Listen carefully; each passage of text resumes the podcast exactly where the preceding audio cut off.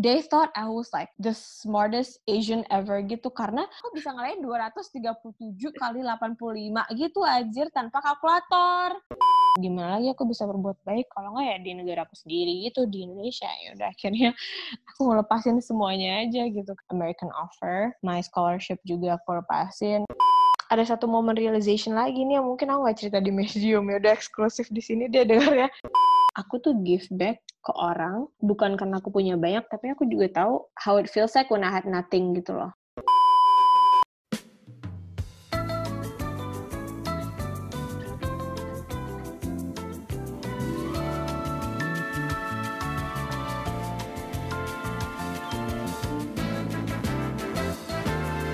Halo peers, kembali lagi nih di PR Podcast, sebuah podcast yang akan membantu teman-teman semua untuk mendapatkan insight dan perspektif menarik nih dari berbagai pembicara dari beragam latar belakang. Nah, kali ini PR Podcast akan ditemani oleh aku, Rebecca, setelah sekian lama aku tidak menemani kalian. Dan kalau teman-teman udah menyimak nih podcast-podcast um, yang udah uh, kita produce di bulan ini, kalian pasti sadar bahwa semuanya itu atas tema yang sama, yaitu study cross group atau experience dari teman-teman kita yang punya akses atau privilege untuk bisa mengalami pendidikan di luar negeri nih, baik di sekolah menengah ataupun sekolah dasar, dan di mana kita bisa bersama-sama menarik perspektif atau insight menarik dari pengalaman-pengalaman mereka. Nah, Pierce, kebetulan kali ini kita ada pembicara spesial karena buatku pribadi, pembicara kita kali ini adalah salah satu orang yang menginspirasi aku nih selama kuliah. Meskipun aku belum pernah ketemu secara langsung. Dan ini kali pertama aku bisa ketemu. Kenapa sih aku terinspirasi banget sama pembicara kita kali ini? Karena buatku, kakak ini bukan cuma seorang high achiever aja, tapi juga seorang yang punya purpose yang sangat besar nih di dalam hidupnya. Yaitu untuk menyetarakan akses dalam bidang literasi yang menurut aku sangat keren kakak ini adalah seorang penggagas organisasi sosial dalam bidang literasi dan juga seseorang dengan segudang prestasi baik dalam perlombaan ataupun ajang nasional maupun internasional. Sebelum kalian bosan nih dengerin penjabaran aku, mending kita langsung ya ngobrol ke pembicara kita kali ini. Halo Kak Oda.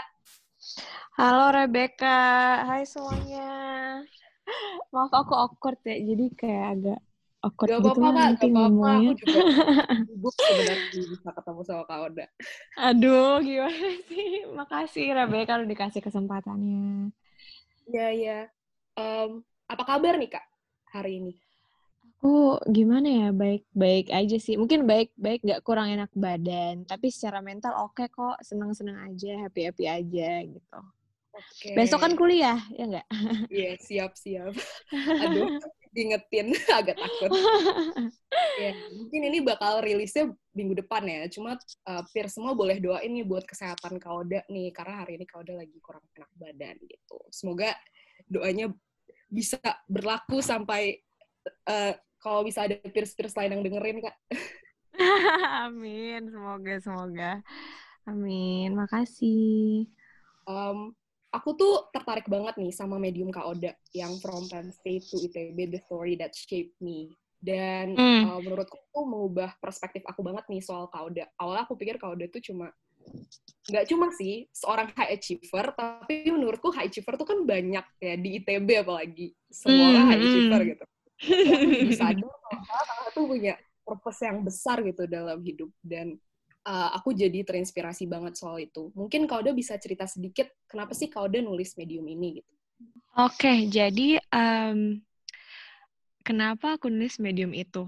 Uh, karena persis yang kamu bilang tadi sih, karena aku merasa orang tuh ngecap aku tuh sebagai seorang high achiever yang ya udah cuman pengen ini itu ini itu doang, tapi sebenarnya nggak punya purpose. Sebenarnya kayak have no story behind me aja, cuman sebagai orang yang ambis di sana sini gitu loh. Hmm. Jadi itu kayak aku um, dan aku melihat ini tuh dari apa ya kayak banyak banget orang-orang yang beropini itu terhadap aku yang ya kayak ya udah udah cuma sekedar yang gitu doang gitu. Padahal sebenarnya everyone has their own story kan. Dan aku hmm. nggak punya nggak pernah punya tempat untuk nge-share itu aja. Nah gara-gara quarantine ini biasalah kan kayak orang mengekspor banyak hal. Kayak konten ini membuat kita ekspor banyak hal deh. Dan aku tuh awalnya gak bukan gak suka nulis sih. Dulu sempat nulis buku juga waktu SD gitu. Kecil masih SD banget gitu. Nah tapi tuh udah lama banget gak nulis. Terus aku mikir um, aku coba ngobrol-ngobrol sama teman-teman aku yang udah pernah buat semacam artikel medium gitu kayak eh story aku ini sebenarnya worth the read gak sih? Apakah orang mau baca? Gitu kan. Karena aku yang aku cari bukan sekedar bukannya aku kayak mau menginspirasi orang atau apa aja tapi aku pingin orang tuh ngerti sebenarnya hal-hal yang aku kerjain dalam hidup tuh sebenarnya punya purpose juga loh kayak gitu. Jadi nggak sekedar aku pengen kejar ini for the fame aku pengen kejar ini untuk apa kayak gitu. Dan aku juga pengen banget tunjukin ini sih yang mungkin jadi hot topicnya semua orang adalah privilege itu. Jadi kayak pasti semua orang kan oh dia udah dapet ini gara-gara privilege segala macam ya. Aku pengen ngadres itu aja kayak uh, aku aku admit aku adalah orang yang privilege gitu. Aku nggak aku nggak aku nggak bakal menghindari itu di medium itu makanya aku ngadres banget kalau aku ada aku datang dari keluarga yang privilege tapi hmm. aku lebih mengedagaskan itu kalau aku mencoba untuk memakai memakai privilege itu bagi orang-orang lain yang tidak mempunyai privilege yang sama gitu aja sih sebenarnya mungkin dari penyampaian yang aku pengen kasih tuh itu aja kayak dong apa ya kayak karena selama ini orang tuh menurut aku is scared to admit that they are privileged gitu loh. Kayak kadang-kadang orang tuh kayak, oh enggak, ah, gue gak privilege. Karena kalau misalnya lo privilege, pasti lo dikatain kayak, oh lo bisa cuma gara-gara lo privilege doang, kayak gitu. Oh. Tapi menurut aku, yang aku pengen sampaikan di medium aku tuh adalah, it's okay to have privilege, tapi menurut aku yang pentingnya adalah how you use your privilege for others aja, terutama yang gak punya privilege yang sama-sama kayak kamu. Gitu sih mungkin kenapa aku termotivasi untuk buat medium itu, gitu. Wow dan untung banget kakak akhirnya nge-publish si medium itu. Karena well banyak banget orang yang jadi sangat-sangat terbuka matanya tentang seberapa privilege mereka apa yang mereka bisa pakai dengan privilege itu. Wow keren banget. Mm -hmm. itu it took me like itu awalnya excited buatnya terus akhir-akhir kayak you know lah ketika lo excited akan satu hal di awal-awal terus akhir-akhirnya kayak pingin cepat kelarin gitu.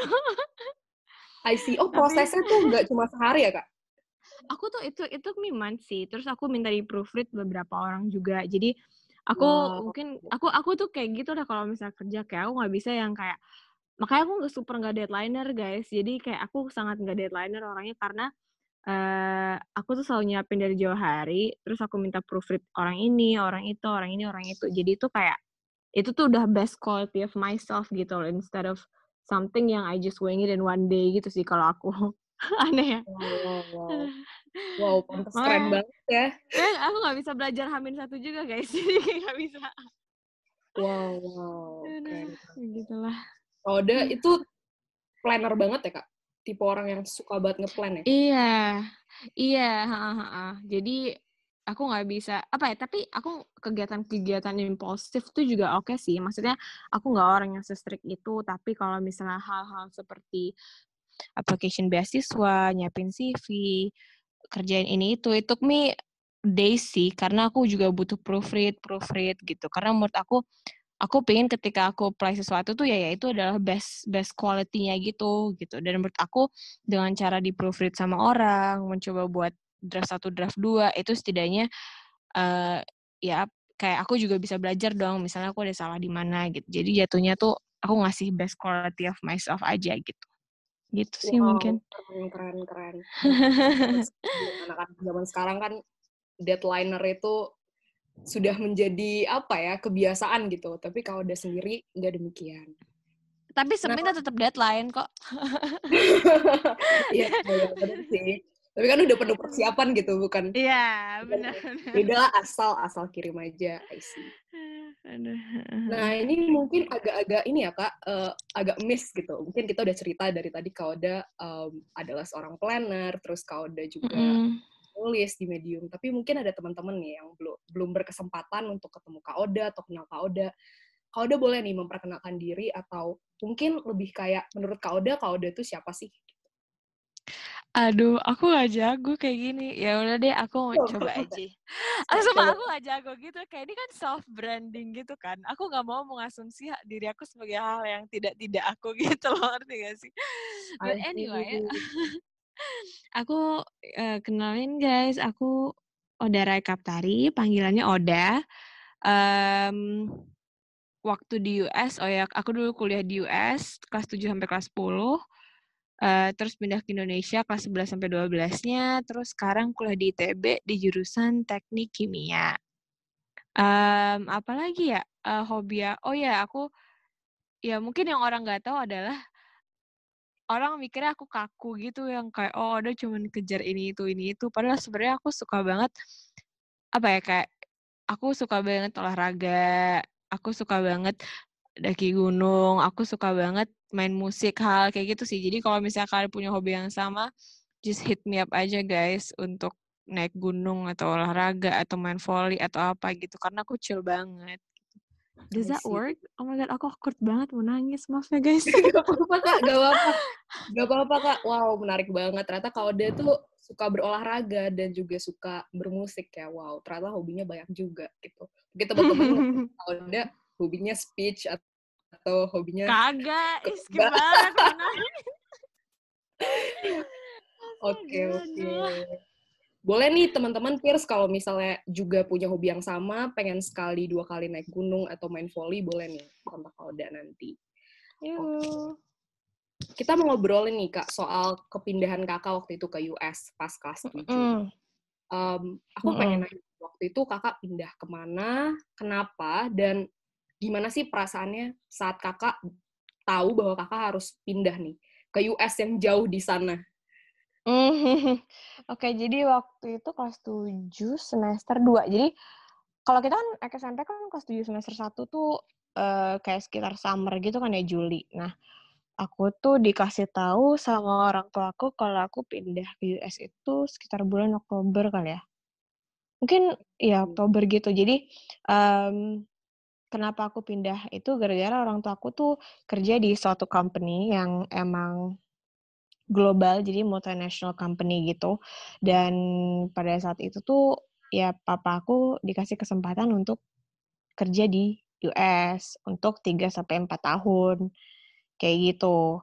Jadi waktu Oktober 2011 ya aku inget banget tuh um, di, dikasih tau papa tuh aku doang yang kasih tahu karena aku punya adik-adik kan cuman papa mama baru ngasih tahu aku kalau misalnya kita bakal pindah um, seneng banget sih karena dulu tuh aku a big fan of kayak High School Musical, Camp Rock gitu-gitu. Maksudnya yang typical-typical Disney Channel movies gitu dan itu kan latar belakangnya US semua kan. Jadi aku selalu mimpiin aku bakal mengalami itu gitu. Aneh banget gak sih alay. Ya udah gitu. Jadi kayak aku seneng banget lah waktu disuruh ke US gitu. Um, iya, terus anak-anak gak sih US? Iya. High school US, wow. Iya, sebenernya banget. Dan aku pindahnya ke daerah di Houston di Texas, di bawah di South gitu. Gitu. Wow, jadi kakak pasti sangat excited ya ke sana. Nah, kalau boleh tahu nih, pas kakak pertama kali nyampe di airport, apa sih yang kakak rasakan dan apa sih yang kakak lihat? Mungkin kakak masih ingat gitu. Saking excited. Oh my god, mungkin kalau misalnya aku melihat diri aku yang dulu tuh kayak yo cringe banget gitu loh. Karena maksudnya agak kayak kelas 7 kayak I got no style gitu loh. Maksudnya nggak maksudnya apa ya kayak oh my god I look at my outfit dulu tuh kayak oh my god what are you wearing gitu loh. Kayak oh my god gitu. Karena ya maksudnya gini sih. Aku I was lucky enough karena sekolah SMP aku dulu uh, I was placed in a bilingual class gitu. Jadi waktu itu jadi there's a special class dulu di SMP uh, kelas 7D. Dia itu khusus untuk bilingual class. Jadi day to day-nya kita pakai bahasa Inggris gitu, bukunya juga pakai bahasa Inggris. Gitu. Jadi aku setidaknya udah bisa lumayan bahasa Inggris gitu loh ya, bukan yang gagap banget bahasa Inggrisnya. Karena my friends juga uh, ya kadang-kadang suka ngomong bahasa Inggris ya jaksel jaksel gitulah setidaknya ya tapi di Riau gitu. Ya, Jaksel ya. Riau. Aduh, mampus Jaksel Riau gitu lagi. Ya, Kak? Iya. gitu. Jadi kayak udah udah ngerti lah bahasa Inggris. Jadi aku nggak yang kaku-kaku banget waktu nyampe. Nah, um, mungkin I was extremely amazed ya karena menurut aku apa ya sebagai orang Indonesia tuh kita kecil banget. Aku merasa aku tuh pendek banget dan kecil banget dibandingin orang-orang biasa gitu. Bener sih, bener bener oh bener. it's so bad dan aku merasa tinggi tinggi banget gak sih kak?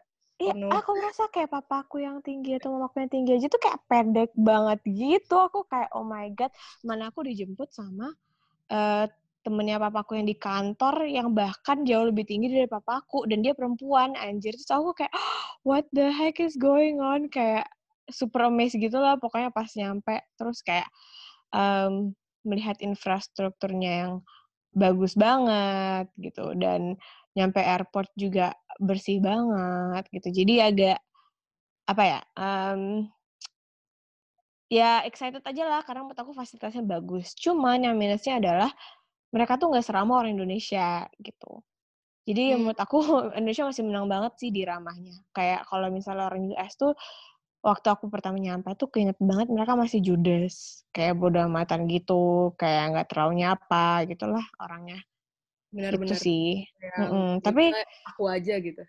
Hmm, hmm, tapi overall enjoyed it banget sih. Maksudnya um, but then again it's my berapa umur aku sih? 12 year old self gitu. Jadi kayak oh gitu loh. Hmm. maksudnya kalau aku lihat tapi kita, I mean, kelas kelas tujuh SMP tuh fase-fase alay gitu loh ya nggak sih? Maksudnya aku merasa gitu loh. Bener bener bener awal awal fase alay. udah merasa udah dewasa padahal belum.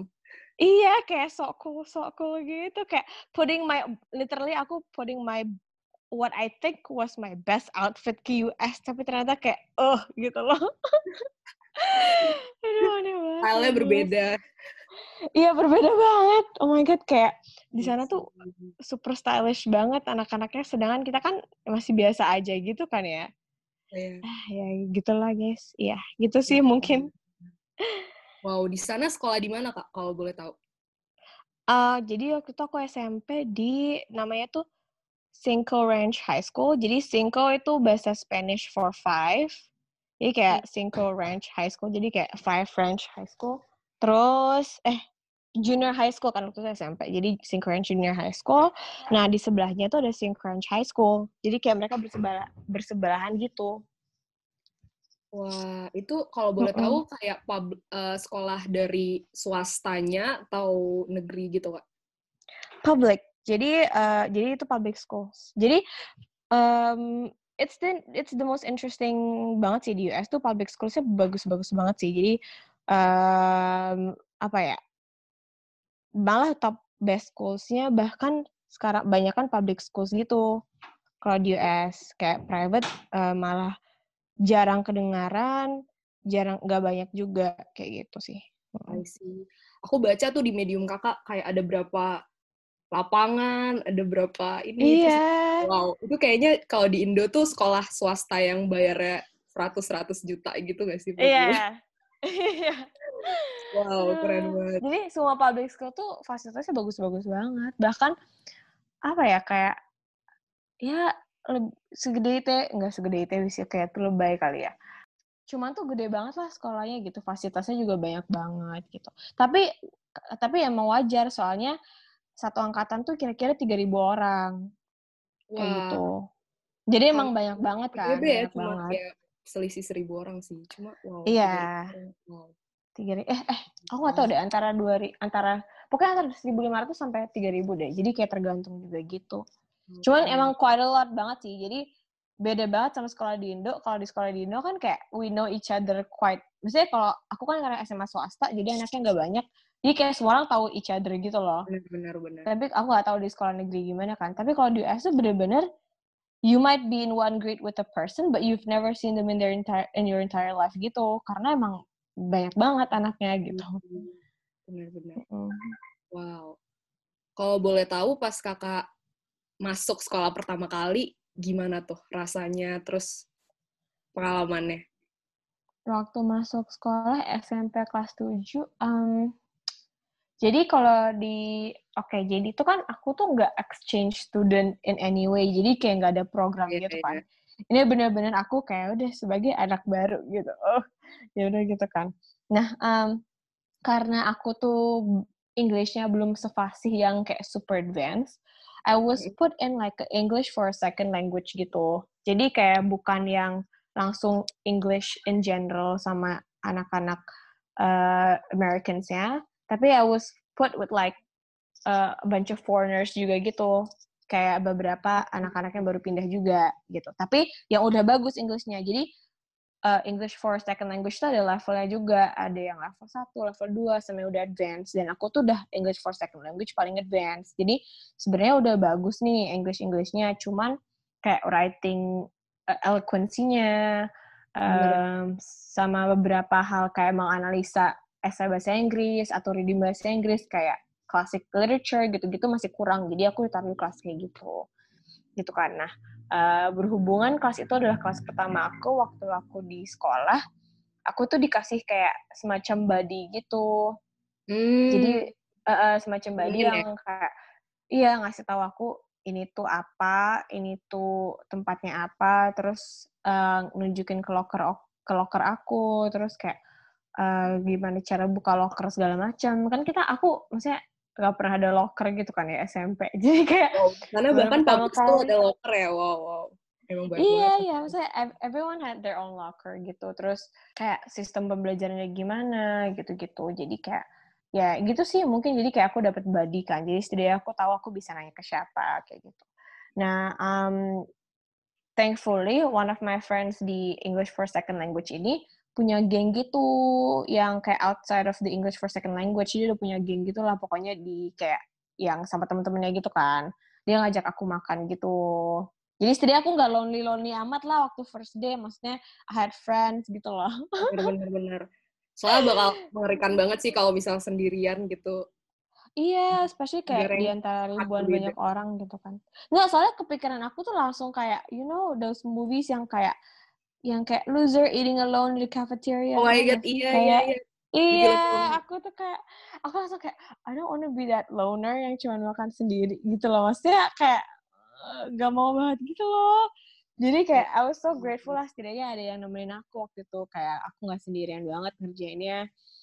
Aku gak, ya, gak sendirian lah pokoknya. Jadi masih ada temennya juga gitu. Bener, gitu sih. Wow, thankfully ya, Kak kayak seru banget sih aku langsung pengen nih ke US. nah, tapi tergantung sekolahmu sih kali kayak gitu ya.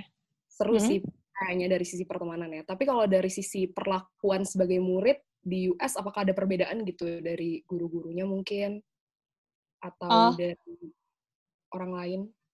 Uh, kalau dari guru-gurunya enggak sih. They thought that I was like extreme. Jadi gini kan, kita di Indonesia tuh menurut hmm. aku ya udah lebih advance gitu loh daripada mereka. Sudah bukan bukan lebih pinter sih tapi lebih kayak oke okay, mat kayak matematikanya udah kayak perkalian ribuan segala macam gitu itu udah biasa kan bagi kita. Nah hmm. mereka tuh nggak biasa gitu loh. Maksudnya oh, iya. wow. they use calculators mereka... gitu. Jadi kayak iya. Dan itu aku kan jadi kayak aku kan jadi sebenarnya gini di US itu kamu bisa ngambil kelas misalnya jadi intinya tuh di US, kamu tiap tahun tuh harus ngambil satu kelas matem, satu kelas IPA, satu kelas social study, satu kelas English. Ya kan? Dan itu bisa level apa aja gitu. Ada yang level reguler, atau misalnya kamu bis, kamu lebih pintar, jadi kamu bisa ngambil kelas yang satu tahun di atas kamu, atau kamu kamu lebih pintar lagi, kamu ngambil kelas yang dua tahun di atas kamu gitu. Itu bisa banget. Jadi kayak waktu itu di kelas aku ada, aku kan kelas 7, waktu itu ada anak kelas 5 gitu yang ikutan kelas aku, karena dia emang super pintar banget kayak gitu. Nah, tapi waktu itu aku karena aku nggak tahu nih level-level ini, aku nggak tahu nih aku di level mana juga. Aku masuk kelas yang udah reguler biasa aja, yang kelas 7 biasanya gitu kan. Dan itu tuh ya, kayak di kelas itu, they thought I was like the smartest Asian ever gitu karena aku bisa wow. ngalahin 200 di sumpah kas aku bisa ngalahin 237 kali 85 gitu aja tanpa kalkulator. So kayak wow, wow, kidding wow. me kayak I'm so I'm laughing at this so hard gitu kayak kayak my teacher aku ingat banget tuh jadi waktu kelas kelas tujuh itu kayak my my math teacher his name was Mr. Decker aja sampai sekarang ingat banget kayak nanyain pertanyaan ini terus kayak mereka tuh pada nggak tahu terus aku jawab terus everyone's like oh, wow what are you eating for lunch kayak why are you so smart? Oke, okay. Wah, gila, gila. Dia ngakak gitu. Tapi karena mungkin aku nggak tahu ada level-level itu kan. Jadi maybe I if I knew there was like those levels, I would have taken a test untuk dapetin, untuk coba masukin level lebih tinggi lagi gitu. Karena uh, kalau misalnya kita, misalnya nih, aku kelas 7 tapi udah ngambil yang kelas materi kelas 9. Ya kan? Nah itu tuh ntar eventually kalau kamu udah selesaiin materi kelas 12, kamu langsung bisa ngambil matkul kuliah di SMA kamu gitu. Jadi kayak kamu nyicil matkul kuliah juga, lulusnya lebih cepat. Wow, sistemnya gitu. seru banget ya. Mm, jadi kayak tergantung kamu. Jadi kayak waktu itu pernah apa ya kayak itu itu berlaku di semuanya gitu. Jadi waktu itu pernah uh, aku kelas 10, aku kelas 10, ada anak kelas 9 yang matemnya tuh udah dua level di atas aku. Aku masih ngambil pre-kalkulus, dia udah ambil kalkulus yang matkul kuliah karena dia pinter banget gitu. Wow, iya, iya. Gitu. Iya. Jadi emang kayak ya udah jadi ntar di kuliah nggak usah ngambil lagi dong matkul kalkulus itu jatuhnya biaya jadi lebih dikit, lulus bisa lebih cepat gitu kan. I see. Mm -mm, Tapi berarti mata kuliahnya tuh eh mata sekolahnya apa sih namanya? Mata pelajaran ya? Mata pelajarannya. Mata pelajaran ya. Jadi lebih sedikit tapi lebih mendalam ya kalau dibandingin di Indo kan mata pelajarannya ada 16 kali ya ada mm-hmm. macam lah itu. Sampai pusing ya kan. Aku tuh berapa ya sehari tuh dapat tujuh tujuh tujuh ya I think tujuh deh.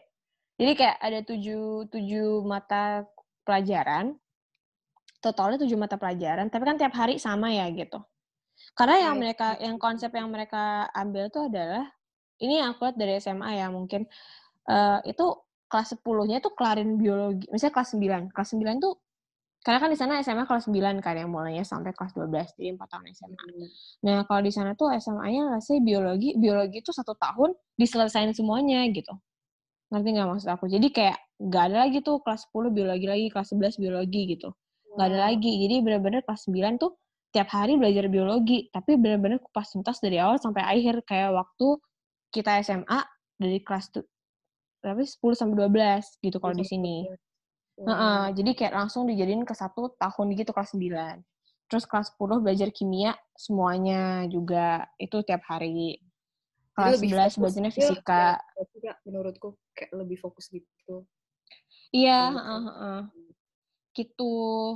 Terus kan Iya, dan kalau misalnya sama ini sih kayak mereka tuh kurikulumnya beda dari dari kita sih menurut aku. Karena kalau kita kan udah jelas tuh harus ngambil ini ini ini. Misalnya kayak minat tuh paling cuman kayak ekonomi gitu-gitu nggak sih kalau kamu masuk IPA kayak yeah, oke okay, yeah, peminatannya yeah. ekonomi sosiologi gitu-gitu. Nah, sedangkan kalau mereka ya kayak yang aku seneng bangetnya tuh adalah uh, ya udah you, you pokoknya dalam satu tahun kamu harus ngambil ada matem, ada science, ada English, ada social studies. Um, kayaknya empat doang itu. Tapi untuk kamu lulus dari SMA itu, kamu harus ngambil setidaknya dua tahun foreign language. Itu bebas mau pilih foreign language apa aja. Terus satu tahun art, bebas artnya mau apa aja. Itu bisa dance, bisa music, bisa jazz, bisa orchestra, bebas. Terus satu tahun olahraga gitu. Nah, selebihnya kamu bisa ngisi dengan elektif-elektif yang kamu mau ambil. Itu banyak banget elektifnya. Ada bisnis, you can learn business, you can learn environmental science, forensic science, gitu-gitu. Jadi menurut aku yang enaknya itu sih gitu. Jadi kayak nggak ada saklek yang oke okay, tiap tahun harus belajar ini itu, tapi kita cuma dikasih kayak ITB lah misalnya. Uh, oke okay, sebelum lulus harus ngambil berapa SKS di dalam di luar prodi dan di dalam prodi gitu kan. Atau hmm. tiga SKS yang kuliah umum gitu. Atau satu SKS PKN gitu kan. Di US juga kayak gitu sih waktu SMA jadi kayak nggak ada sak jadi setiap orang tuh jadwalnya beda-beda gitu karena tergantung apa yang mereka pilih juga gitu. I see. Aku tertarik hmm. banget sih kayaknya untuk jadi murid di US sudah terlambat kan tapi menurutku kayak eksploratif banget gitu kayak setiap hari ke sekolah pasti bersemangat karena kita tahu apa yang kita pilih adalah yang kita pelajarin gitu di sekolah. Mm -mm. Benar-benar. Wow. Seru sih, seru banget kok. Mm -mm. Terus olahraganya bisa pilih kan, kayak kamu mau ngambil general physical education in general aja, atau kamu mau masuk certain sports that you like. Kayak misalnya aku waktu itu, mm-hmm. karena aku suka banget tenis dan memang pemain tenis, aku ngambil tenis. Ada temen aku yang ngambil ya basketball, volleyball. Jadi kamu main sports itu tiap hari gitu. Itu kan enak juga ya, maksudnya aku seneng gitu lah. No wonder why they're so fit and tall gitu ya. Gak ada olahraga, aduh, aduh. Main tenis melawan hmm. US, orang-orang US yang sangat-sangat tinggi. Wah. Nah, aku penasaran gitu. juga nih dari serentetan pengalaman kakak itu ada nggak sih kayak pengalaman yang menurut kakak paling mengubah kakak sebagai uh, a person gitu di sana? Wah, kalau di sana ya, apa ya? Hmm, aduh, kalau di sana yang paling mengubah aku as a person, kayak kalau yang paling mengubah banget mungkin nggak ada ya. Hmm. Karena gini sih, yang aku lihat tuh mungkin gini, people mindset ketika tahu kalau aku dari US adalah aku jadi yang bukan aku mau bilang apa ya, cuman orang tuh selalu mikir kayak, oke, okay, Oda goes to party a lot, Oda drinks all the time, she's done this, she's done that, gitu loh. Tau gak sih, kon pikiran orang tuh pasti ke situ gitu loh. Stereotype ya, terhadap the, orang the stereotype, baru dari yeah, US. the stereotype of people going to US pasti langsung kayak gitu kan. Tapi yang mungkin aku seneng dari diri aku, ini gak ngubah, malah justru aku gak ngubah diri aku sama sekali gitu loh. Jadi kayak I stay true to value aja, kayak aku gak pernah minum, aku gak pernah kayak gitu, aku gak pernah ngelakuin hal-hal yang yang kalau dianggap bad gitu gitulah kayak aku nggak pernah sama sekali gitu sih. Jadi kalau ditanya untuk ngubah ngubah aku banget mungkin aku cuma shock aja culture culturenya aja. Kayak misalnya culture di sana tuh kayak kayak nggak ada yang namanya manners ke orang yang lebih tua gitu kan. Kalau kita kan biasanya ada kan. Oh kayak iya panggil bener -bener. kak gitu-gitu. Panggil guru pakai nama nggak kak? Enggak lah gila Karena ada tuh beberapa orang-orang iya. gitu kayak manggilnya gak usah pakai pak. Tapi tuh minta minta nggak dilulusin aja. tapi kayak tapi ya enggak sih aku nggak manggil guru pakai nama, uh, pakai miss atau mister aja. Tapi itu hmm. kebanyakan banyak ya Americans tuh yang yang aku lihat lah, setidaknya my friend itu yang kayak kalau kita kan biasanya kayak super super respect orang tua kan. Mungkin yang buat shock aku adalah mereka tuh semudah itu atau kayak seenaknya aja gitu mau ngomong apa ke orang tuanya gitu loh. Kayak mau ngomong kasar ngomong kotor segala macam tuh kayak seenaknya aja. Padahal sama itu kita diajarin kayak nggak nggak pernah boleh kayak gitu kan ya? Oh sangat nggak boleh. jadi ya sangat nggak boleh. Kalau nggak uh, keluar dari rumah gitu ya. Iya bener bener bener. Ini enggak gitu. Jadi kayak it's interesting aja to see to see their culture kayak gitu. Sama satu hal yang buat aku shock adalah mereka udah boleh kerja semenjak mereka umur 15 tahun gitu. Wow. Jadi um, jadi kebanyakan dari mereka tuh yang part time ya di Starbucks, di McDonald's gitu dan itu enggak itu nggak jelek gitu loh. Jadi kayak everyone just thinks it's a job ya udah you're, you're getting a job gitu.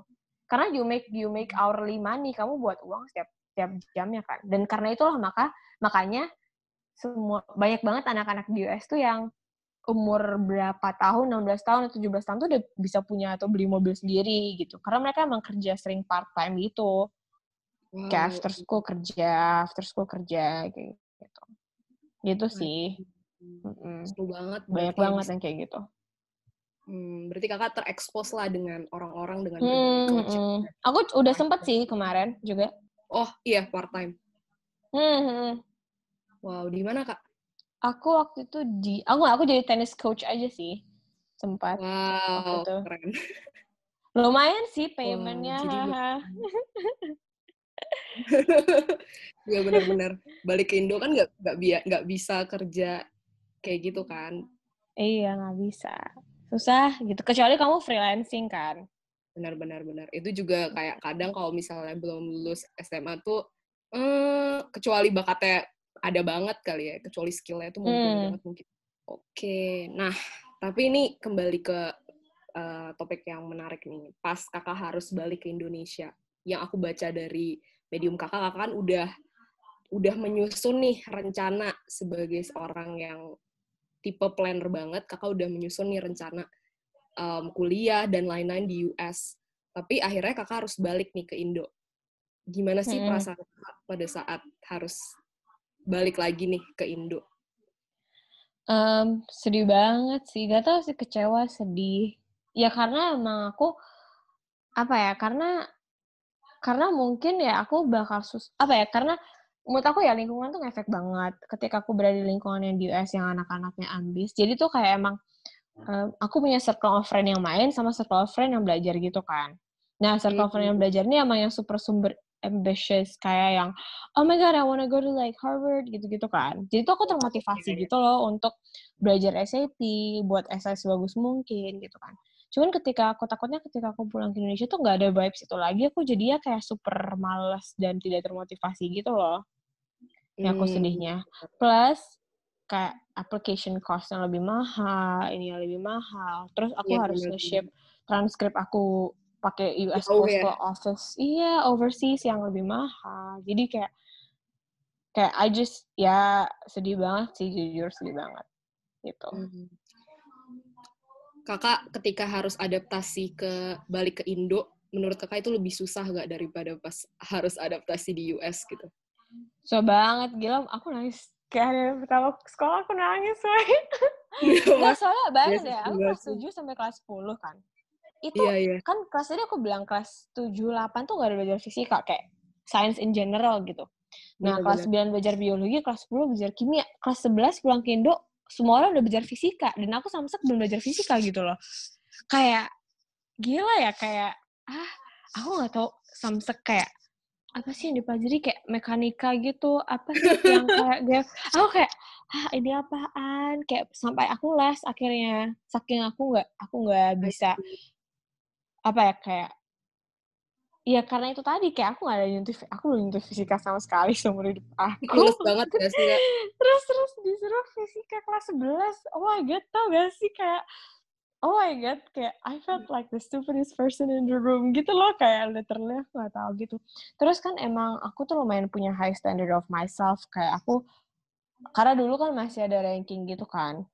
Dan Benar, benar, emang benar. udah dari kayak SD sampai SMP terus di US juga ranking aku lumayan tinggi. Tuh aku SMA tuh aku juga harus ranking tinggi gitu karena ya target aku aku kayak harus jadi top 3 di sekolah paralel gitu biar aku juga bisa masuk US kan. Karena kan ranking sekolah tuh diperhatiin banget juga kalau masuk kuliah di US. Kayak gitu. Nah, jadi tuh kayak yaudah aku paralel juga harus tinggi dong gitu kan. Aku nggak mau nggak mau rendah gitulah rankingnya. Jadi aku juga nangis, takut jelek segala macam. Tapi ya nggak apa-apa Yes. sih, maksudnya I end up ya ngelesin fisika kan, yang lain nggak dilesin sih, cuma lesin fisika. Tapi uh, ya eventually lumayan caught up lah, nggak nggak sejelek-jelek itu juga akhirnya. Iya. Thankfully. Aku juga baca Kak Oda kayak bekerja keras banget gitu, gak sih? Kayak les, terus nulis essay. Iya. Wow, gimana sih Kak? Aku Eh. sempet bingung sih pas baca. Gimana caranya Kak Oda bisa ngebagi waktu sebagai anak SMA untuk bisa ngelakuin semuanya itu? Wah, Um, gitu. Karena mungkin gini sih, kan satu SMA aku kan bukan SMA yang top banget kan, karena aku tinggal di Riau kan. Nah, Mm-mm. terus yang yang eh, tapi tetap lingkungan aku tuh ya mempush aku juga gitu sih, gitu. Terus aku ya aku belajar SAT kan, kalau misalnya ke US harus SAT, itu juga Benar, tiap malam aku kasih waktu gitu, jadi nggak boleh miss. Terus kayak write essay itu udah dari jauh hari sebelum application period gitu, yang kayak aku bilang tadi. Jadi aku bisa revisi, revisi, revisi. Terus aku baca buku juga, kayak buat essay yang baik tuh gimana gitu. Nah, Hmm. tapi yang sedihnya adalah aku nggak memberikan banyak waktu untuk main gitu. Iya bener sih. Jadi, itu wow. iya, gitu. mm, jadi aku nggak kali banyak itu. waktu untuk main. Tapi aku sempat OSIS, waktu itu aku wakil ketua juga di apa sih kalau di SMA 8 yang wakil apa yang perwakilan kelas gitu, PK Iya, gitu apa sih? gitu. Iya, iya. Iya, heeh. jadi aku waktu itu ya MPK gitu, aku waktu itu wakil ketua di situ kan. Jadi kelas 11, aku bodo amat, aku nggak bisa bahasa Indonesia, aku ikut seleksi MPK gitu. Aduh, kocak banget. Aku pakai bah aku pakai bahasa Inggris gitu terus mereka. Nggak salah gini loh, kayak aku coba bahasa Indonesia, aku bukannya mencoba untuk sombong gitu loh, cuman I could not like convey my actual feelings atau what what I was trying to articulate gitu loh, kayak aku nggak bisa Hmm, kayak udah menyampaikan nggak dengan Kak? baik. Iya, kayak nggak bisa gitu loh. Jadi waktu diwawancara nih sama kayak 12 orang yang dulu gitu, aku kayak mana kakak yang aku nggak tahu yang serem juga kan. Maksudnya aku nggak kenal siapa-siapa, aku nggak kenal siapa-siapa, udah serem-serem mukanya. Maksudnya ya you know lah seleksi harus gimana gitu kan. Iya Nah, benar benar benar. aku tuh mau muntah Tegang-tegang gitu, gitu ya? Iya, terus ada ada dosen, ada guru pembimbingnya juga. Yang guru pembimbingnya tuh guru pembimbing yang galak gitu loh kalau di sekolah aku gitu kan. Nah, Iya sih. tapi aku bener-bener kayak ya udahlah bodo amatin gitu kan. Ya udah akhirnya aku aku ya udah aku pakai bahasa Indonesia, aku kayak eh eh, sampai aku tuh kayak di tengah-tengah kayak oh my god what is it called? What is it called? Gitu-gitu aja terus jaksel banget Jessica jaksel di Riau sampai mereka tuh kayak oh my god uh, ada anak yang ada anak satu anak di, di sekolah aku waktu itu yang AFS gitu jadi setahun kan di US yeah, yeah. namanya Kak Nabila nah, Nabi ya Nabila gitu dan dia bilang kayak nap nap nap itu deh yaudah deh pakai bahasa Inggris aja terus ntar bantuin translate aja ntar kalau misalnya saya ngomong gitu yaudah akhirnya aku bahasa Inggris terus translator dong translate iya wow seru banget seru banget seru banget oh. Tapi eventually I got it gitu loh. Jadi ya yeah. not bad lah for, for the first yeah, timer. Yeah. Padahal aduh gak pernah ikut kayak gituan ya. Jadi. Setidaknya aku sosialnya ada yang waktu aku jadi ikut OSIS gitu sih. Jadi kayak aku nggak yang bener-bener kayak cuman belajar-belajar doang, tapi aku sendiri masih ikut OSIS gitu. Terus temen-temen aku juga masih masih ngertiin aku sih. Cuman aku bukan yang kayak keluar malam, main sana sini tuh enggak sama sekali sih. Paling cuma untuk keperluan OSIS aja. Biasanya gitu sih. Berarti kalau udah belajar essay, belajar SAT itu dari buku atau kalau udah ada les gitu juga? Kalau SAT dari buku aku. Jadi aku uh, belajar sendiri banget sih kalau SAT. Karena kan di sini tuh aku tinggal oke okay, aku itu satlinya aku tinggal di Riau. Jadi tuh kayak nggak banyak nggak banyak banget educational institution yang ngasih. Kayak kalau di Jakarta kan ada Ed Amerika gitu kan yang bisa ngebantu les-les gitu. Sedangkan aku nggak ada gitu. Ya udah jadi aku benar-benar harus sendiri. Kayak papa mama aku beliin aku buku gitu kayak beberapa buku SAT terus ya udah aku latihan-latihan aja terus kan sekarang banyak website-website free gitu kan iya iya ya udah jadi belajarin di website free-nya ya kayak gitulah karena there's nothing else you can do gitu loh daripada aku mencoba sendiri gitu Iya. Kauda benar-benar menurutku sih Kauda benar-benar disiplin diri sih. Maksudnya bisa berlatih sendiri SAT dan essay dengan buku. Menurutku itu keren. iya.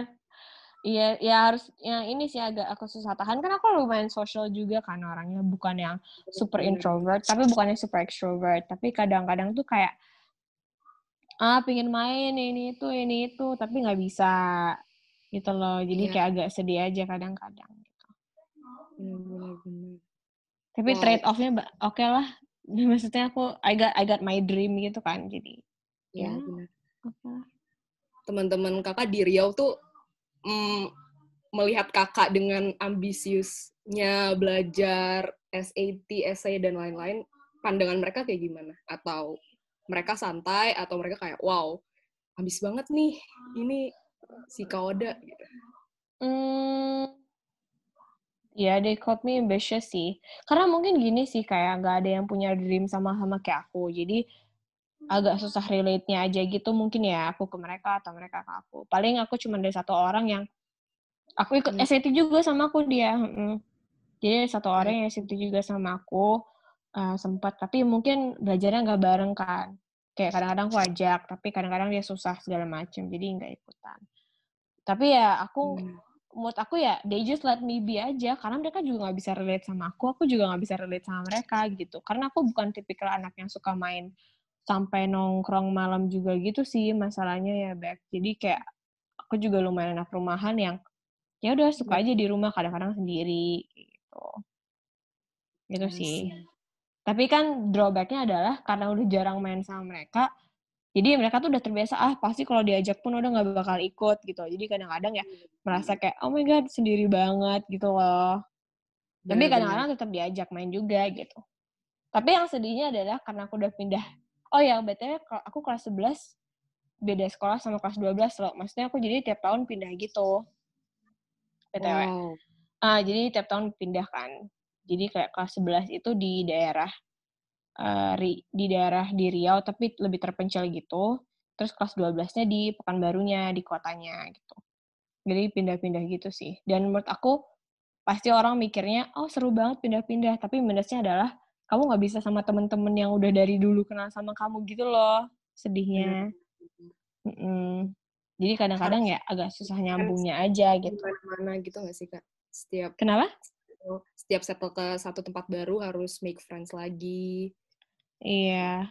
Terus kayak gak bisa masuk ke nggak bisa masuk ke conversation yang kayak eh masih ingat nggak way waktu kemarin tuh kita gini gini gini kayak Iya, gak gak tahu apa apa gitu kan Iya, iya. plus minus lah menurut aku Benar-benar. Tapi dengan kau udah bekerja keras itu, akhirnya kau udah mendapatkan lah apa yang kau udah inginkan. Namun, Mm. pertanyaan selanjutnya, Iya. kau bisa pergi gitu. Aduh, kenapa ya? Semua pembaca pasti tercengang dan termenung gitu loh. Kayak, oke, kau udah bekerja keras di SMA untuk tetap dapat ranking, untuk tetap bisa bagus di SAT dan essay, akhirnya bisa dapat beasiswa dan univ yang kau udah inginkan, tapi akhirnya kau udah nggak pergi gitu. Orang-orang kayak agak-agak hmm I gitu. wondered myself juga. Aduh deh. Apa ya? em, jujur aku juga kayak gak nyangka sih. Soalnya kan betul ya, aku dapat acceptance letter dari yang US itu Januari 2017 loh. Jadi kayak aku bisa satu semester bodo amat aja, cuma tinggal UN doang. Betul ya? Iya, Bener Jadi sih, kayak bener banget. I got the early acceptance offer. Jadi dari Penn State, they give me an early acceptance offer. Yang harusnya tuh, pokoknya pengumumannya harusnya bulan Maret gitu. Cuman mereka ngasihnya Januari gitu. Jadi kayak aku iseng-iseng buka, ah udah diterima. Aku shock gitu kan. Terus aku langsung mikir kayak, oh aku satu semester gak perlu ngapa-ngapain dong gitu kan. Cuman tetep lah, masa aku, aku gak mau lah turun cuma gara-gara aku bodo amat gitu. Iya, anyway, jadi ya udah. Em, aku sih mikirnya kayak ya udah tinggal UN doang, UN aja gitu kan. Nah, cuman ya itu tadi kayak em, karena aku jadinya gabut, nggak ngapa-ngapain, cuman belajar doang kan, cuman belajar di kuliah doang kan, eh, cuman belajar di SMA doang kan, nggak ada kegiatan apa-apa lagi. Em, ya aku nyari kegiatan dong, which is yang ngebantuin mamaku itu, mamaku juga punya organisasi sosial gitu, waktu itu perpustakaan di Riau, gitu. Nah, aku ikutan sama mamaku waktu itu. Nah, ya udah semenjak ikut nih ya, apa ya, jadi seneng lah sama anak-anaknya di panti asuhan gitu. Jadi kayak mamaku pergi ke panti asuhan gitu untuk ngebagi buku ke mereka, terus mamaku suka ngajarin bahasa Inggris juga, terus ngajarin bikin crafting, gitu-gitulah. Jadi kayak bener-bener empower anak-anaknya banget gitu. Jadi kayak aku ikutan sama mamaku gitu ke panti asuhan ini dan dan jujur itu kayak life changing banget gitu sih. Itu eh, terutama ketika aku ketemu banyak anak-anak yang ini anak-anaknya bahkan tuh yang kayak anak-anak yang ditinggal di jalanan gitu doang sama orang tuanya nggak di nggak dilihat lagi gitu gitulah pokoknya sedih-sedih lah cerita-cerita anak-anaknya ini bahkan ada anak SMA yang seumuran sama kita seumuran sama aku pada saat itu yang mau lulus SMA tapi nggak bisa kuliah kan karena nggak ada uang terus kerja juga bingung kan karena belum ada skill yang dibutuhkan kayak gitu Hmm. Terus em, sama ada anak, mungkin kalau kalian baca di medium sama ada anak itu yang anak yang tunarungu yang pinter banget, dia harusnya kelas 5 tapi kelas 2 gara-gara disability-nya gitu. Terus ya Hmm. aku semenjak ke situ tuh apa ya? Karena kan rutin kan, jadi aku makin makin seneng ketemu anak ini, makin makin ngobrol-ngobrol sama mereka, makin tahu cerita mereka tuh aku makin kayak oh my god gitu. Aku merasa super lucky aja gitu kayak to be in this place right now sebenarnya gitu kan kayak aku merasa kayak oh my god kayak there are so many people yang gak selaki aku, gak se-privilege aku kayak gitu. Bahkan apa ya, aku merasa aku tuh super lucky dan privilege banget gitu loh, mempunyai orang tua yang masih peduli sama aku gitu loh. Terus jadi jadi kayak aku kayak di saat momen itu aku aku bener-bener yang kayak ya udah aku coba untuk kayak try to give back aja di pada saat itu terus aku belum kepikiran untuk ninggalin sekolah di US nih. Jadi kayak aku masih yaudah aku pakai uang aku untuk beliin buku SBMPTN untuk yang anak-anak yang se- seumuran sama aku kan kayak Mm-mm. biar mereka setidaknya bisa kuliah atau buku UN biar setidaknya mereka lulus dengan ijazah yang baik lah gitu nggak jelek gitu kan nah terus tapi akhirnya aku mikir kayak I like the work juga aku suka ngomong sama anak-anaknya gitu. Dan aku ngerasain impactnya banget gitu loh ketika aku ketemu mereka tuh mereka sesenang itu gitu loh. Terus aku merasa kayak ternyata banyak banget sebenarnya anak-anak Indonesia tuh yang masih nggak punya akses ke pendidikan yang layak gitu ke literasi yang layak gitu gitu. Jadi kayak aku sedih aja gitu loh kayak aku mempunyai semua hal ini tapi masa aku pakai sendiri gitu. Aku merasa ya aku bisa berbagi aja gitu. Dan aku merasa apa ya kayak selama ini aku diajarin untuk giving back ke orang lain tapi aku nggak pernah praktekin gitu loh. Dan aku merasa eh apa ya, itu buat aku realize aja aku selama ini cuman selfish aja gitu loh cuma pengen kuliah kuliah sendiri kuliah sendiri kuliah sendiri terus kayak di kuliah nanti mau ngapain juga nggak jelas gitu. Mending aku stay di Indonesia aja gitu loh kayak kuliah sambil ngebantuin orang lain ini yang kurang mampu gitu dengan apa pun yang aku mau gitu.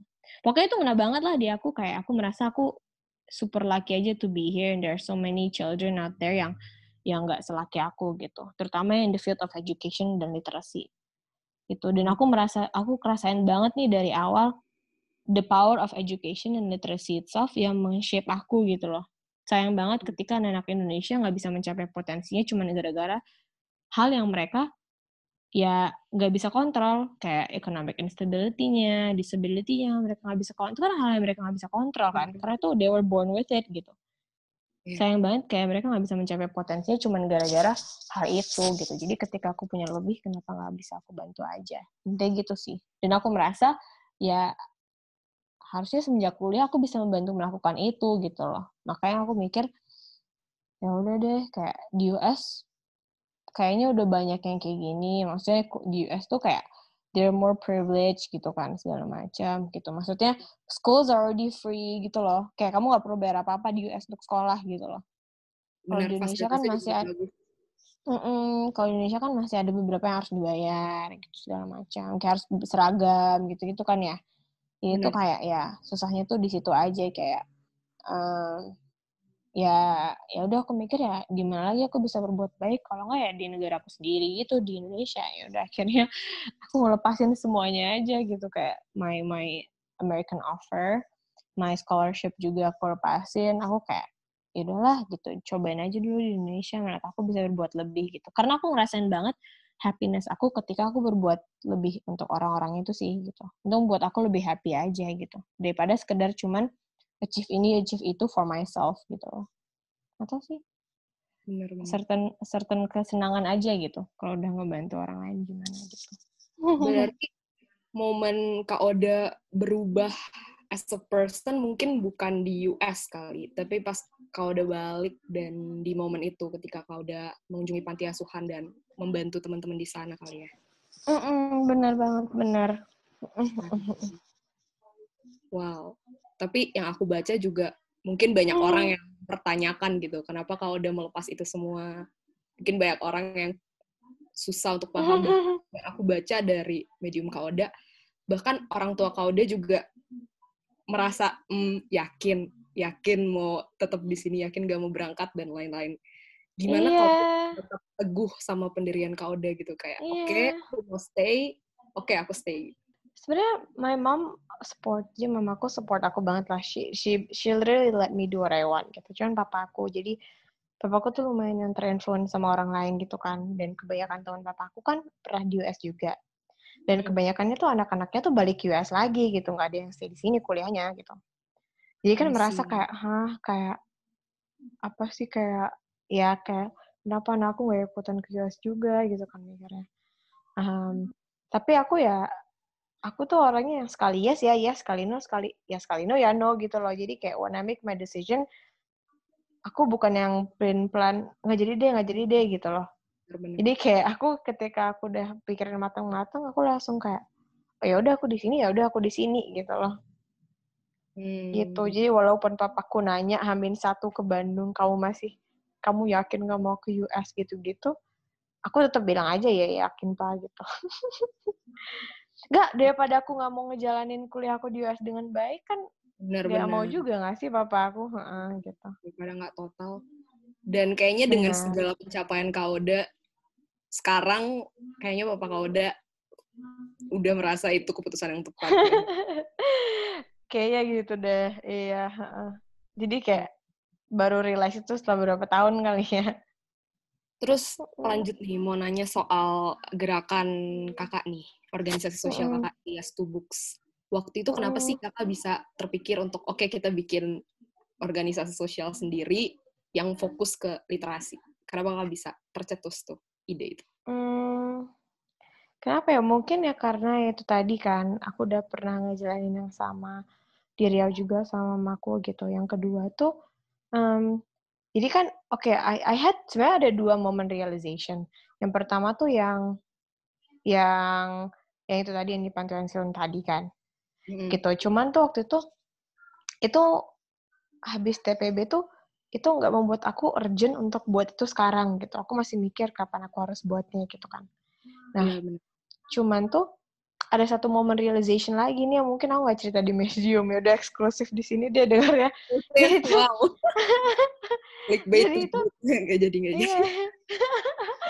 Jadi itu sebenarnya yang membuat aku pengen cepet-cepet. Jadi waktu itu pokoknya aku masih mencari metode yang baik, masih kayak pelan-pelan segala macam gitu. Cuman yang membuat aku oh my god, udah you have to do it now gitu adalah aku juga lagi di TB nih di daerah kalau kalian tahu di daerah apa sih Naskor gitu. Ya Naskor Oh, tuh iya. kan. Jadi daerahnya anak Arsi pasti tahu tuh. Jadi tuh kayak ada selasar gitu kalau nggak salah tuh ada anak kecil gitu yang lo nggak tahu dia dia dia nggak ada lagi sih di sini. Tapi dulu waktu zaman aku TPB masih ada. Jadi TPB akhir-akhir gitu dia tuh kayak jual jual ya kayak makan makan ringan gitu kayak klepon apa sih pastel gitu gitu loh. Ya kan? Hmm, Terus iya, biasa lah yang muka sedih yang kayak yang I'm always weak for those kids by the way. Jadi kayak aku selalu sedih kalau udah lihat anak-anak yang kayak gitu. Jadi I tend my best to help them aja by buying whatever they sell gitu kan. Mm-mm. Nah, terus aku coba untuk beli dari apa yang dia jual. Terus yang aku notice tuh dari samping dia tuh kayak banyak kertas-kertas gitu, kayak artikel atau kayak print out belaj- buku pelajaran gitu-gitu. Dan aku Hmm. tanya kan lah, kan pasti kalau aku tanya kamu nggak sekolah, terus dia nggak bisa karena harus jualan kan bantu orang tua. Nah, tapi ini apa kertas-kertas? Kata dia, iya kak, aku suka banget baca, terus aku suka banget belajar. Jadi kalau misalnya sisa uang dari yang dia jual ini, dia pakai untuk ke warnet, untuk ngeprint baca buk- bahan-bahan bacaan gitu loh. Wow. Jadi kayak aku kayak, oh my god, kayak sedih banget dong. Terus aku nangis, terus temen-temen aku kayak, anjir udah nangis, gue harus gimana, gue harus gimana. Jadi aku selalu, aku selalu weak banget kalau udah, udah kayak gitu tuh aku weak banget gitu loh. Kayak, aku nggak- aku, it makes me realize how lucky I am aja lagi itu loh. Jadi kayak, aku sedih Bener. banget kayak, even anak cuman hanya untuk sekedar pingin belajar bahkan it's it's the most fundamental right of a human being itu adalah untuk punya akses ke education dan untuk belajar gitu. Bahkan untuk itu aja tuh nggak ada gitu. Mereka harus bekerja keras banget untuk itu sampai pakai uang sisa uang jajannya untuk ngeprint dari warnet kayak gitu kan kayak bikin aku sedih banget gitu kan. Ya udah itu tuh bener-bener membuat aku tuh kayak oke I have to do it now. Aku langsung kayak gercep plan ini plan itu plan ini plan itu gitu ngajak temen-temen aku yang punya punya um, fashion yang sama btw aku ngajak ini Rehan Rehan KM MTI Oh iya iya, aku tahu. uh, Rehan KM MTI Wow, ikut juga ya kak ternyata. Aku baru tahu. Iya, aku ngajak dia awalnya kan. Aku kayak, soalnya aku tahu Rehan suka yang project-project gitu kan. Jadi aku kayak, oke coba deh Rehan dulu gitu. Tapi kan sekarang gara-gara dia fokus MTI, jadi dia di MTI aja. Kayak jangan bagi tugas gitu kan. Takutnya ntar nggak kepegang. Jadi di Bener. MTI aja gitu. Gitu. Jadi mungkin kenapanya itu sih gitu. Jadi ada ada dua momen of realization tadi. Yang kedua belum aku cerita ke siapa-siapa nih sih. Ini baru pertama kalinya aku ngomong ke publik BTW. Wow, tapi keren banget sih kak Oda bisa apa ya punya kepedulian yang sangat besar gitu ke sekitar. Maksudnya di, di TB ternyata banyak banget orang yang butuh bantuan kita yang mungkin kita sendiri mahasiswa-mahasiswa kurang sadar lah karena terlalu fokus sama masalah kita sendiri gitu. Mm-mm. Gitu. Waktu itu pas kakak bikin CS Book setelah ngumpulin orang, itu apa yang kakak lakuin? Maksudnya Eh, apa gitu? Misalnya ngumpulin bukunya dulu kah atau apa dulu kah gitu? aku survei panti sih. Survei Nice. panti, terus kayak ngumpulin buku gitu. Jadi kayak eh, hal-hal aku mencoba sebelum launching aku coba untuk siapin semua semuanya gitu sih sebelum Hmm. apa-apa. Karena ya apa ya aku nggak mau kayak ya udah ntar di tengah stuck gara-gara kita kurangan resources atau gimana pun itu kan. Jadi aku siapin bukunya, siapin survei pantinya tuh agak jauh tuh sampai ke daerah Antapani gitu-gitu. Soalnya aku nyari panti yang karena di Bandung tuh lumayan advance kan, maksudnya lumayan di- itu kota gitu, jadi Iya, lumayan iya. kota yang oke advance. Jadi udah banyak beberapa panti yang punya resource buku tuh udah banyak Bagus. banget gitu. Maksudnya udah jadi udah didonasiin. Aku nyarinya panti yang bener-bener belum punya gitu. jadi itu agak susah sih di situnya I see. jadi aku coba ya coba cari di situ deh gitu lah intinya. Gitu. Tantangan terbesar kakak selama mendirikan CS2 Books apa nih menurut kakak? eh em, apa ya? Eh aku aku belajar leadership banget sih. Jadi aku bukan orang yang leadershipnya oke dari awal tapi SCTB nge-shape my leadership skill banget gitu. Jadi aku ngerasa banget kayak eh apa ya tantangan terbesar? Itu tadi kayak leadership lah. Kayak cara aku nge-approach orang.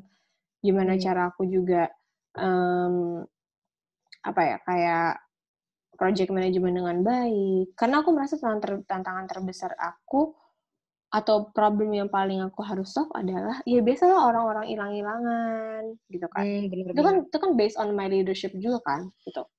Jadi Hmm. kayak aku mencoba belajar dari momen itu yang leadership yang sebenarnya bagus tuh gimana sih kayak gitu itu jadi tantangan terbesar aku di project manajemennya sih sama people managementnya itu Hmm, I see. Wow, keren banget sih kak. Tapi sekarang SCTB dengan menurutku udah besar banget sih sekarang sosial dan udah banyak bantu orang juga. amin semoga ke depannya gitu terus amin Nah, mungkin selanjutnya lebih ke poin-poin giving back nih kak. Kalau kakak sendiri Iya. kan menjadikan giving back sebagai part of life goals kakak nih. Tapi Mm. mungkin ada beberapa orang yang masih belum consider pentingnya poin giving back nih ke dalam life goals mereka. Menurut Mm. kakak, seberapa penting sih poin giving back ini dan gimana kalau misalnya kita belum punya poin itu di dalam personal goals kita?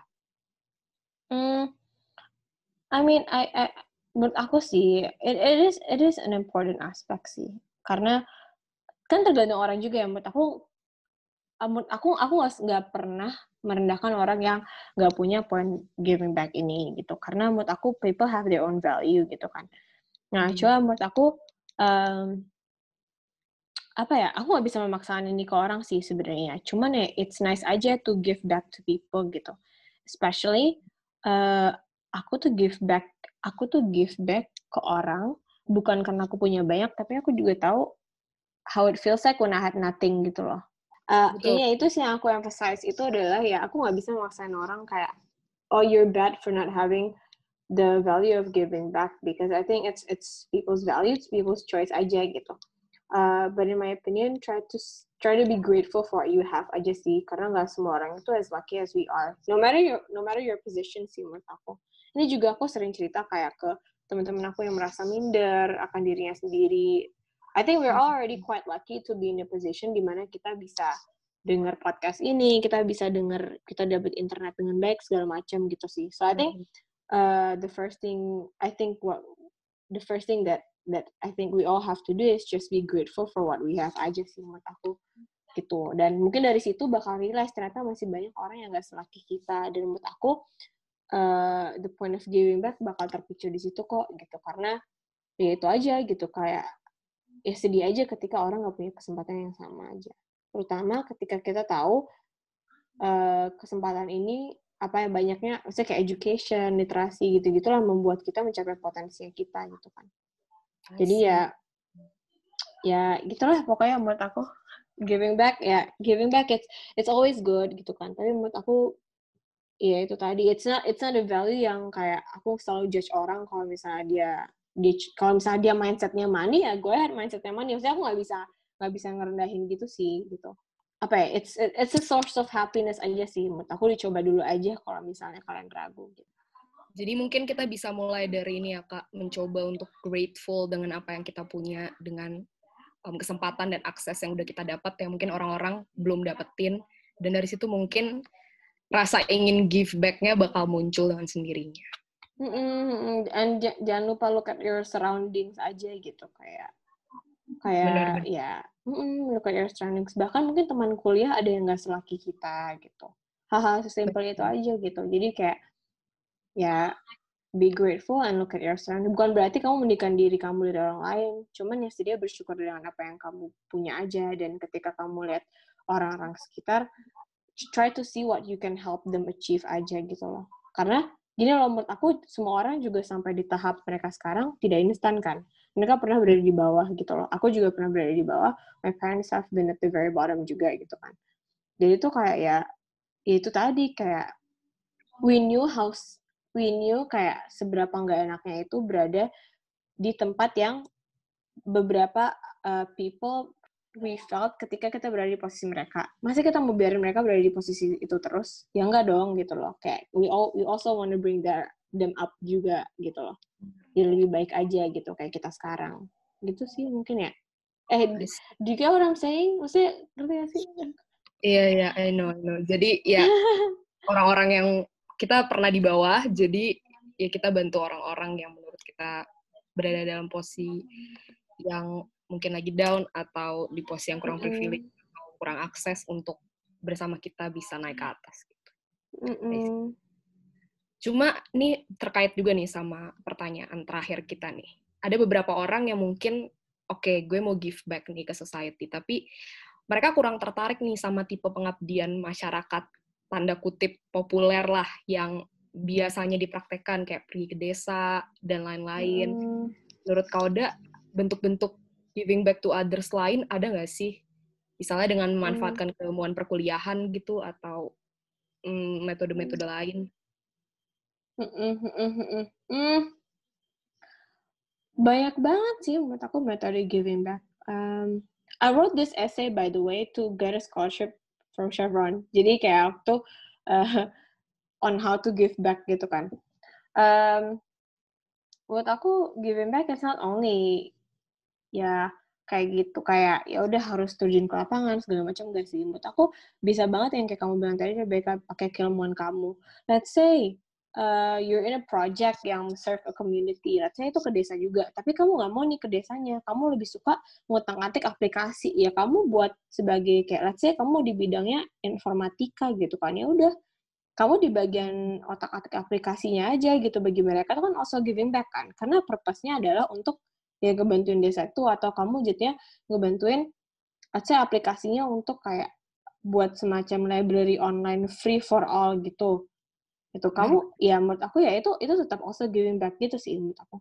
It doesn't have to be a full kayak terjun ke lapangan segala macam enggak. You you using your ya your kemampuan kayak misalnya anak tekim buat semacam filter air gitu untuk ini apa gitu. Nggak harus terjun ke lapangan tapi semacam dibuat kayak gitu semacam buat produk itu aja menurut aku udah giving back gitu loh.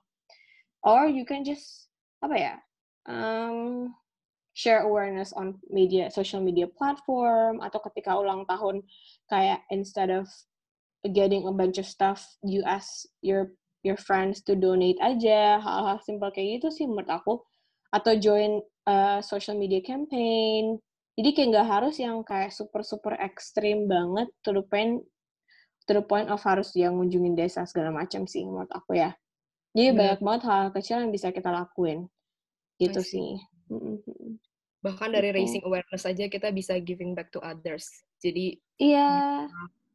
Jangan terlalu asosiasiin itu ke hal ekstrim yang kayak yeah. di desa harus jauh, harus ke daerah terpelosok dan lain-lain. Yes, yes, ya. Soalnya ya, ya itu tadi sih kayak kalau misalnya langsung mindsetnya kayak gitu tuh kan kadang-kadang orang juga kayak ah susah banget nanti bingung gini ya, bingung gitunya gitu. Nah. Menurut aku dari hal-hal yang kecil aja menurut aku udah oke okay banget gitu loh. Mm -mm. Oke, makasih banyak nih Kak Oda untuk insight-insightnya dan jawaban-jawabannya. Biar gak bosen nih, kayaknya kita ada sedikit main this or that nih. Ada um, satu dua tiga empat lima enam. Ada enam statement. Kalau mm udah boleh pilih satu dari dua pilihan gitu. Jawab cepat boleh, aja. Boleh. This or that pertama, US atau Indonesia? Indonesia lah. Oke. Okay, okay. Kedua, Instagram atau Twitter, Kak? Instagram. Aku baru punya Twitter kuarantin ini, BTW. Oh iya? Fun fact. Iya, aku mau punya Twitter. Apa? Isinya apa tuh kak Twitternya? Isinya tuh apa ya? Kayak ya udah gitu. Ya video kucing gitu. Gak jelas banget gak sih? Emang kuarantin membuat kita explore ya. Menarik. Iya. Lanjut nih kak, banyak yang penasaran. Buku fisik atau e-book menurut kakak? Fisik, aku nggak suka ebook. I see. Kak Oda suka nulis atau ngomong? Hmm, both. Gak bisa, gak bisa both ya. Saya kayak aku nggak bisa yang all Oke, the time betul. talking, tapi nggak bisa kayak all the time writing gitu. Oke. Mungkin pertanyaannya jadi ini, texting atau call? Call, I don't like texting. Oke. Kerja sendiri atau kelompok, Kak? Hmm, kelompok sih. Eh, Ah. hmm. Dep- depends, depends, depends, Bingung-bingung. depends, oke, oke. depends, depends. Oke, boleh lah. Kakak tipe yang mendeklarasikan mimpi atau berjuang dalam diam? Hmm, I usually, hmm, sekarang mimpi aku, oh ya, I, I don't, oke aku berjuang dalam diam sampai itu udah pasti gitu. Ngerti nggak maksud aku? Mm-mm, Oh, jadi kayak kalau misalnya aku butuh advice, aku butuh ini ke certain people, aku tanya. Tapi kan nggak mungkin dong aku kayak boleh minta opini nggak? Tapi ada dia untuk sesuatu gitu kan aneh gitu nggak sih kayak kita punya pengalaman, Aneh tapi kita nggak terang-terangin sama orangnya gitu. Jadi kalau aku misalnya kayak oh, boleh review ini nggak, boleh proofread ini, ya aku kasih tahu. Tapi aku bukan yang kayak kasih tahu semua orang, eh aku mau play ini, play ini, play ini gitu nggak sih? I see. Mm-mm. Oke, makasih banyak nih Kak Oda buat waktunya hari ini. Udah mau diajak ngobrol, cerita banyak pengalamannya di US dan juga di Indo, juga CS2 Books.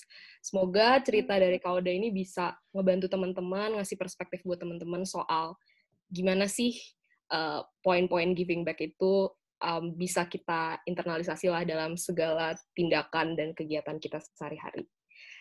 Um, sampai ketemu lagi di seri Per Podcast selanjutnya. Per Podcast, Terror Story, Enjoy the Journey. Bye-bye. Bye bye guys, thank you.